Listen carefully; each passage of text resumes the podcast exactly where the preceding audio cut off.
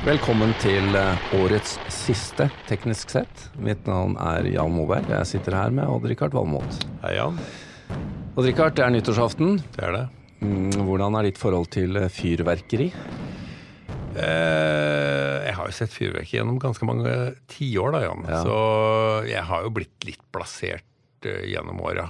Og spesielt i åra hvor vi skjøt pinner. ikke sant? Det var mye ynkelige greier. Ja, ja, nå er jo det borte. Det er borte. I hvert fall for oss private. private. Men det er jo kanskje ålreit at eh, de som, i hvert fall de som bor steder i, eh, i kveld, da, eller er steder i kveld hvor det er litt sånn organisert fyrverkeri, kan få litt eh, inntrykk av hva dette er for noe. Ja, for de vi ser i dag, er jo mye bedre enn før. store bomber og vifter, og det går jo høyt opp til værs. Hva er det egentlig som foregår? Ja, hva er det egentlig som foregår? Det vi har skjønt, er at det er en blanding av kjemi, fysikk Og elektronikk. og timing, og ikke minst det kreative. da. Ja.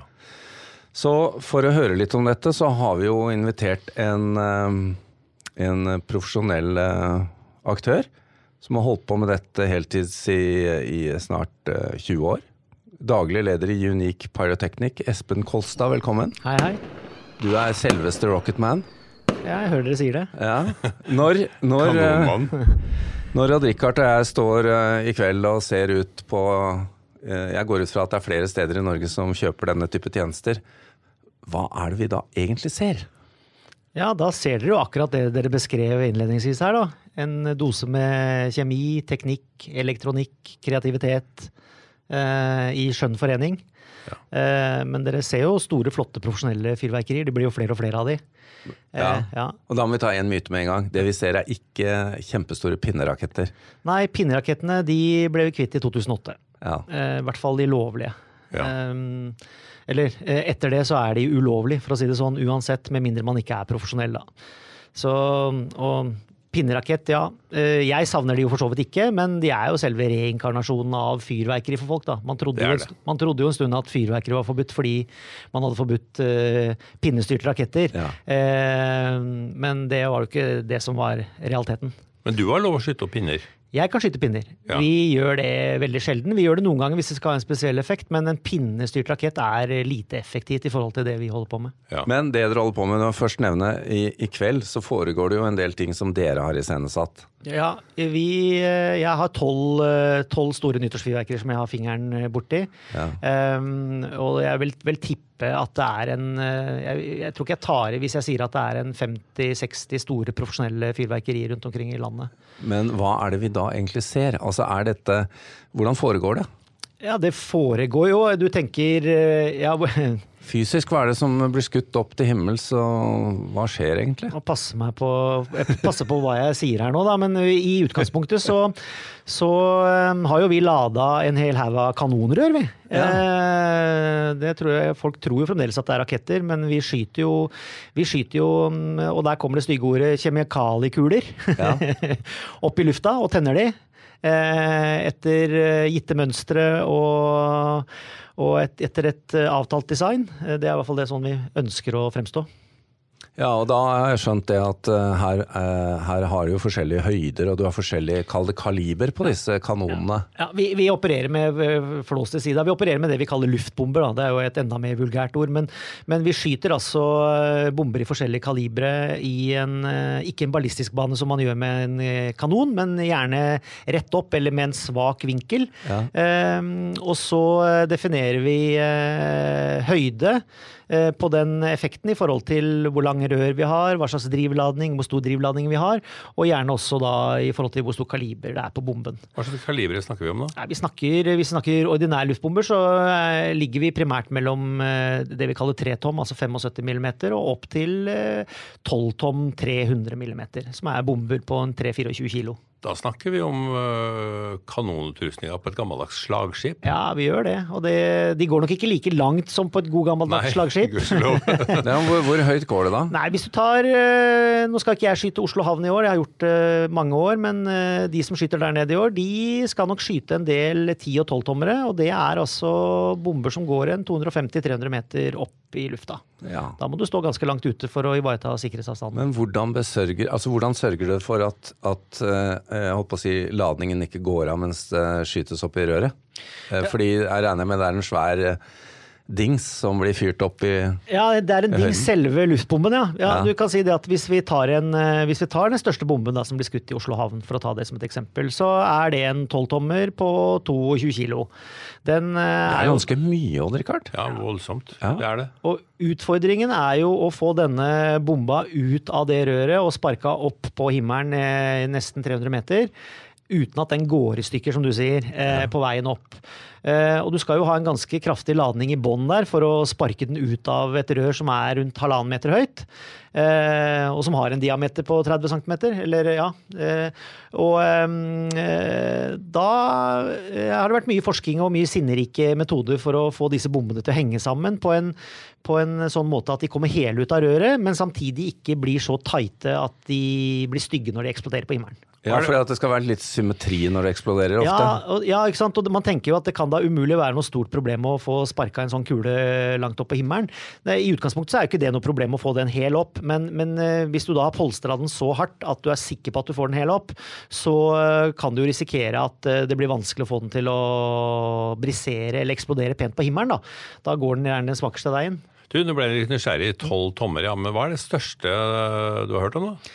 Vi har jo hørt om veldig store bomber, eh, men det største jeg har hørt om som har vært vellykket å skyte, er 48 tommer. Det går rykter om at det er noen amerikanere som har skutt en 52 eller 54 tommer, men eh, det jeg kjenner til, det er eh, en, åt- en japansk 48 tommer på 800 kilo. 800 kilo. ja, den blir jo da lada i et sånt seks meter langt eh, oljeledningsrør og gravd ned i bakken, og så, så går den et sted mellom eh, 700 og 900 meter opp på himmelen før den eksploderer, da. Du, dette er vel omtrent en kanon Saddam Hussein prøvde å lage det? Ja, det er litt sånn, sånt ja, sett, ja, det er litt sånn eh, Ja, Saddam Hussein, Hitler hadde vel en sånn Hit- veldig lang en oppover en bakke og ned en topp og litt Jo. frem og tilbake. Og den ble bomba i stykker. Ja, og det, så det er litt sånn, så du kan si at kunsten her er jo å få det helt opp. så da, Man jo, jobber jo med dempematter og det hele tatt, og det er jo kruttladning som sparker det av gårde. Ja. Så, så det gjelder liksom å prøve å få den kraften man skal ha, og samtidig eh, få porsjonert det på en måte som gjør at du greier å få løfta den i en sånn akselerasjonsfase. Da. Så det er fiffige greier. Men når det kommer opp, Mm. da er det kjemien som overtar. Ja, da, Hva er det inni de her kulene? Det er jo en eh, Det er altså en del klorater, perklorater, en del eh, metallbaserte kjemikalier. Altså litt det er Nå er det ikke riktig å kalle metallbaserte kjemikalier, da, men det er altså litt hemmelige komposisjoner, da, men med relativt organiske ting. Eh, og Ja, det tradisjonelle er jo magnesium. Det brenner jo godt. Magnesium er det vi bruker når vi tenker sølv eller hvitt. Ja. Eh, eller titan kaller vi det gjerne da. ikke sant? Altså, eh, så, så det er liksom det klassiske. Men, men det, er jo, det er jo kobber, og det er messing, og det er jernspon. Eh, alt det avgir jo farver. Og så er det kjemikalier i tillegg, sånn som dessverre eh, vi har prøvd å kutte ut barium. Bly er jo helt ute. Jeg lager jo en, en fantastisk crackling-effekt. Da har man erstattet med noe som heter vismut.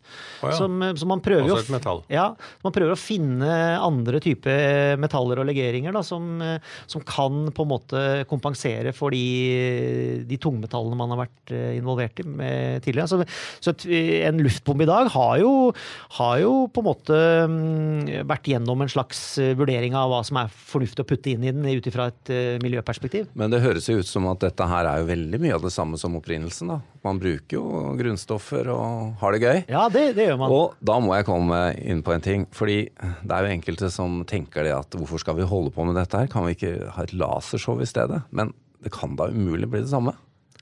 Ja, du sa det, du. Ja, altså, du kommer litt an på hvem du spør, da. Men, men øh, øh, vi har jo diskutert lasershow og ikke lasershow. altså Én ting er at lasershow er mye dyrere enn fyrverkeri og vanskeligere å håndtere og er enda mer værutsatt. Men, men jeg mener at det viktigste argumentet mot lasershow, det er eh, veldig enkelt. Og det er at lasershow er ikke fyrverkeri. Ja. Det, er, eh, det er noe helt annet. Det er flott som bare det, men det er ikke fyrverkeri. Nei. Nei. Jeg har brukt noen eh, flåsete sammenligninger, og det har sagt eh, at eh, hvis du forventer å gå på en rockekonsert og bli servert Filharmonien med Stilse Sykebø, så, så kan det hende at du blir litt skuffa, selv om de to tingene kan være kjempefine hver for seg. da. Ja. Du, vi må også komme inn på dette med, dette med mm, fyrverkeriets opprinnelse. Jeg tenker jo Dette vet jeg ikke noe om, men jeg tenker at mye av det dere skyter opp, kommer fra Kina. Men hvordan startet det hele egentlig? Ja, hvordan det hele startet er vi ikke helt sikre på, men vi tror jo, eller histor historikerne er jo ganske sikre på at man mener at fyrverkeriets opprinnelse, hvis du skal ta eh, hoveddelen, som er krutt, eh, kommer fra India. Eh, nærmere sagt eh, Bengalbukta, og vi flåser med det, eller i, i nærheten av Fantomehulen, eller noe i den Ja, ja, der ja. Fantomet bor. Eh, det har sin naturlige forklaring, og det er eh, noe med jordsmonnet der. Eh, eh, det er ekstremt store forekomster av naturlig salpeter. Eh, eh, fra tidenes morgen så har man brukt svovel for å sminke og for å konservere mat. Eh, og det er ikke unaturlig at man lager maten over et bål med køl, så da har du de tre hovedbestanddelene i krutt. Så man ser for seg at kruttet kanskje ble oppfunnet på, om ikke kjøkkenet, så i hvert fall i forbindelse med en eller annen matlagingsseanse, hvor det var noen som oppdaget at her er det et eller annet rart som skjer. Og så øh, vet man jo ikke hvordan øh, det flytter seg og hvor det, hvor, hvor det beveger seg. Men Kina har jo historisk sett vært flinke til å utvikle krutt og brukt det i, i krigssammenheng i øh, ja, over 1000 år. Men, øh, men øh, kruttet kom jo ikke til Europa før ja, 1500-1600-tallet, så, så vidt jeg kan se. Kanskje noe før. Og her i landet så kjenner vi vel ikke noe historie fra før i midten av 1600-tallet, tror jeg, på Bergenshus festning, eh, med noe svære drønn som skremte ja, fanden på flatmark, var det vel det sto? Eh, Ja, for jeg har også skjønt det at eh, enkelte brukte Eller ved å, ved å bruke fyrverkeri, så demonstrerte de at de var litt overmektige. Ja, hvis du går tilbake igjen til eh, ja, renessansen og før den tid, så var jo Så krutt er jo vært et slags eh, Hva skal du kalle det? Altså bevis på, på makt. Det er jo ikke bare bare Altså Kruttlagrene sa jo noe om hvor store kruttlagre du hadde, sa jo noe om hvor mektig og hvor mye penger du hadde. Og Ja. hvis du i tillegg da kunne bruke en del av det kruttet på noe som bortkasta, altså i enkelte øyne som fyrverkeri, så, så var jo liksom det det ultimate beviset på Ja, det var jo som å brenne penger, da. Nå, nå skjønner jeg jo at du ikke er ledig for oppdrag i kveld når Odd Rikard og jeg står og ser på fyrverkeri, men hvis vi skulle kjøpe tjenester fra dette bransjen din da, å ha noe å se på, hva, hva må vi regne med å bruke? Ja, på nyttårsaften så Det er jo stygt og vulgært å snakke penger, men det er, det er vanskelig å se for seg at noen av de profesjonelle aktørene gjør noen jobber, eh, store jobber til under 75 000 000 kroner. Ja. Eh, De ligger sånn eh, For vår del så ligger det vel i snitt på 150 000 oppover per jobb, og vi har, vi har sagt tolv jobber i kveld. Um, Så og ja, jeg har vel noen sånne barnefyrverkeri litt tidligere i, nå i nær Altså sånn eh, i sekstiden. Eh, Ja. eh, som eh, ligger og vaker rundt 50 000-60 000 kroner, men ellers så er det 150 000 oppover. Ja. Men, men du er ikke bare sesongarbeider? Det er Nei, ikke bare internasjonalt? Nei, vi, vi, vi, vi skyter vel i snitt et fyrverkeri hver uke. Ja. Også innendørs.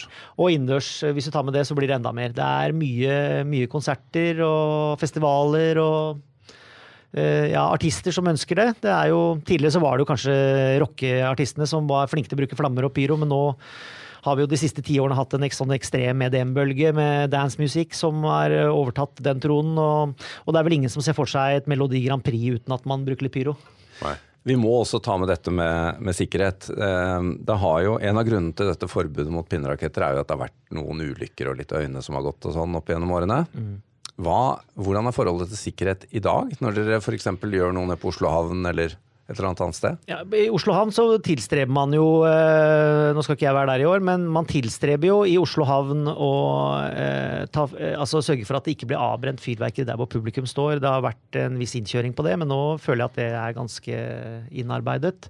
Um, og så står man jo 300 meter ute i fjorden eh, og har ivaretatt alle sikkerhetssoner, så det er jo et trygt fyrverkeri i, i sånn henseende. Ekstra trygt? Ja, det vil jeg si. Og det, det gjelder vel stort sett alle de organiserte avfyringene er jo, det Kjennetegnet med de er at de er ekstra trygge, det er omsøkt, det er profesjonelle mennesker, det er bra varer, og, og det er organisert. Det er organisert vakthold og i det hele tatt.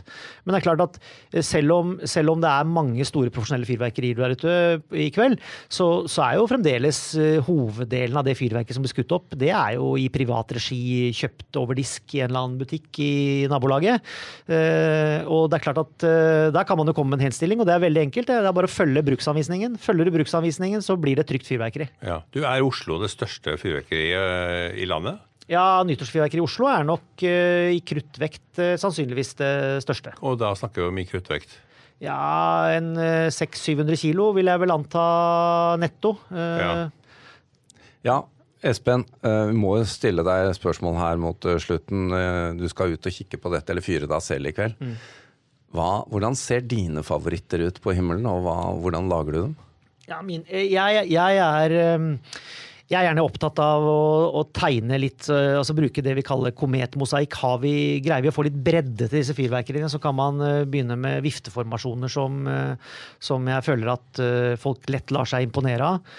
Uh, utover det så jeg kan ikke si at jeg har noen sånne store spesialiteter. Uh, vi er veldig glad i å bruke spanske Camuro-bomber.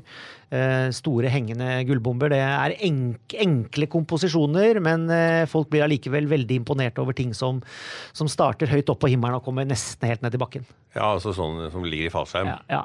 Ja. Ja, ikke, fall- nei, ligger ikke fallskjerm. Det er en luftbombe, men den har såpass lang brenntid Ja, at sånn, han eh, eh, Altså, eh, et annet, en annen betegnelse på den bomben er willow. Og willow, da begynner jeg å tenke pil, Ja. piltre. Så hvis du ser for deg Ja, et forvokst, stort hengende piltre i gull, da det er kanskje de bombene som jeg syns er flottest, og som, som jeg også oppfatter at folk eh, eh, de er ikke de, det er ikke de mest teknisk krevende bommene, men det er det folk henger seg opp i.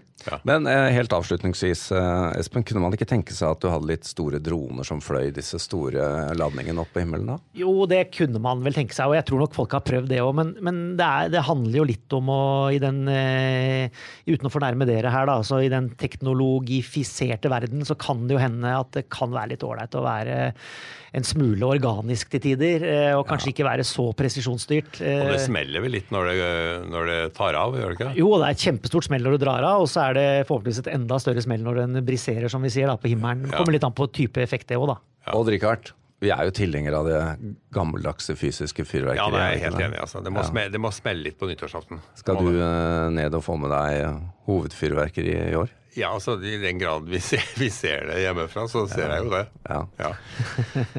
Espen Kolstad, eh, takk for at du tok turen innom. Jeg ønsker deg lykke til med kveldens eskapader. Takk for det. Og godt nyttår. Takk i like måte.